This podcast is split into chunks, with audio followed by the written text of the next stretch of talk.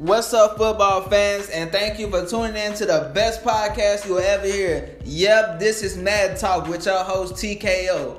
It is now week 17 and the playoffs is almost here, just determining the seeding. Let's talk about the teams who are starting from the NFC. We have the division winners in the Falcons, Vikings, Giants, and Rams. And then we have the remaining two teams with Eagles and Lions. Falcons locked up at number one, which is not surprising at this point. Vikings actually can fall to number three if they lose versus the Packers plus the Giants' victory over the Eagles. Eagles either fighting for third or fourth seed, and that only leaves the Lions and Rams, who either swiping spots at this moment or staying at the fifth and sixth seed. NFC is pretty much set, but let's move on to the confusing AFC.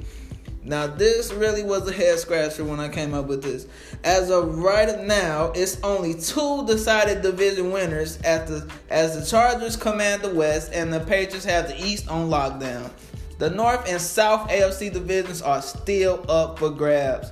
Well, let's just say South has been decided already. I'm just looking at the games, and the Texans play the Jags, and we know how that game's gonna go. And the Titans play the Chiefs, and we also know what that game's gonna go. So the Titans seems to be all out of favors at this point, which leaves to the Bengals and Browns fighting for that sixth spot. It seems like a sure thing for the Browns as they're playing familiar opponent in the hopeless Ravens, and the Bengals get tossed into the pit of misery playing against the Patriots. The only way for Bengals to clinch the division is to win out and the Browns to lose out. That is a prayer that hopefully will be answered on this faithful week 17. As the seeding stands, it will be Chargers at number one, Patriots at number two, Chiefs at three, Dolphins at four, Texans taking over that five, and the sixth either we be going to the Titans, Bengals, or Browns. Which team do you all think will emerge from the NFC and the AFC? Don't hesitate to chime in for our next topic. That's all the time I have for now, my good people. Stay tuned for the Mad Talks next podcast. Peace out.